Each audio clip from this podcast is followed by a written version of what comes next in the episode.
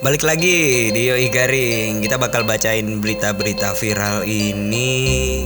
Ada yang agak rame nih Karena bensin eh, yang subsidi naik Kayak Pertalite jadi 10.000 Pertamax jadi 14.500 Ini juga mulai 10 September eh, Tarif ojol naik Kementerian Perhubungan Kemenhub kini secara resmi menaikkan tarif ojek online di Indonesia mulai tanggal 10 September 2022 nanti. Berikut tarif baru ojol yang Kemenhub umumkan hari ini.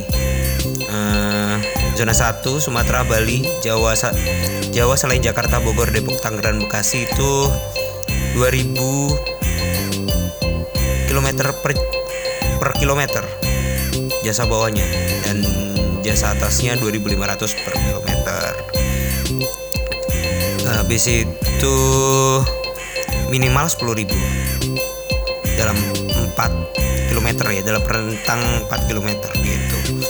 Zona 2 Jabodetabek eh, batas bawahnya 2500 batas atasnya 2800 dan nilai maksimalnya antara nilai minimalnya antara 10.200 sampai 11.200 Eh, untuk di luar Jawa eh, batas bawahnya 2300 batas atasnya 2750 gitu.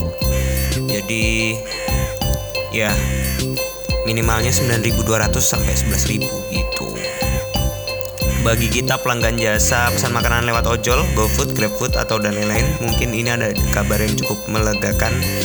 Pasalnya kenaikan tarif ojol cuma berlaku bagi transportasinya bukan untuk kirim barang maupun makanan. Gimana nih teman-teman? Eh, mungkin ada yang di sini pakai ojol terus gitu. Menurut kalian gimana? Setuju apa enggak? Tapi kasihan juga sih drivernya kalau misalnya nggak dinaikin. Bens- bensinnya jad, bensinnya jadi nggak bisa nutup gitu dari keuangannya gitu. Jadi daripada kalian protes dan gimana gimana mending dengerin Yoi Garing sama lagu-lagu. Jadi kita bakal balik lagi jangan ke mana-mana tetap di Yoi Garing. Yeay.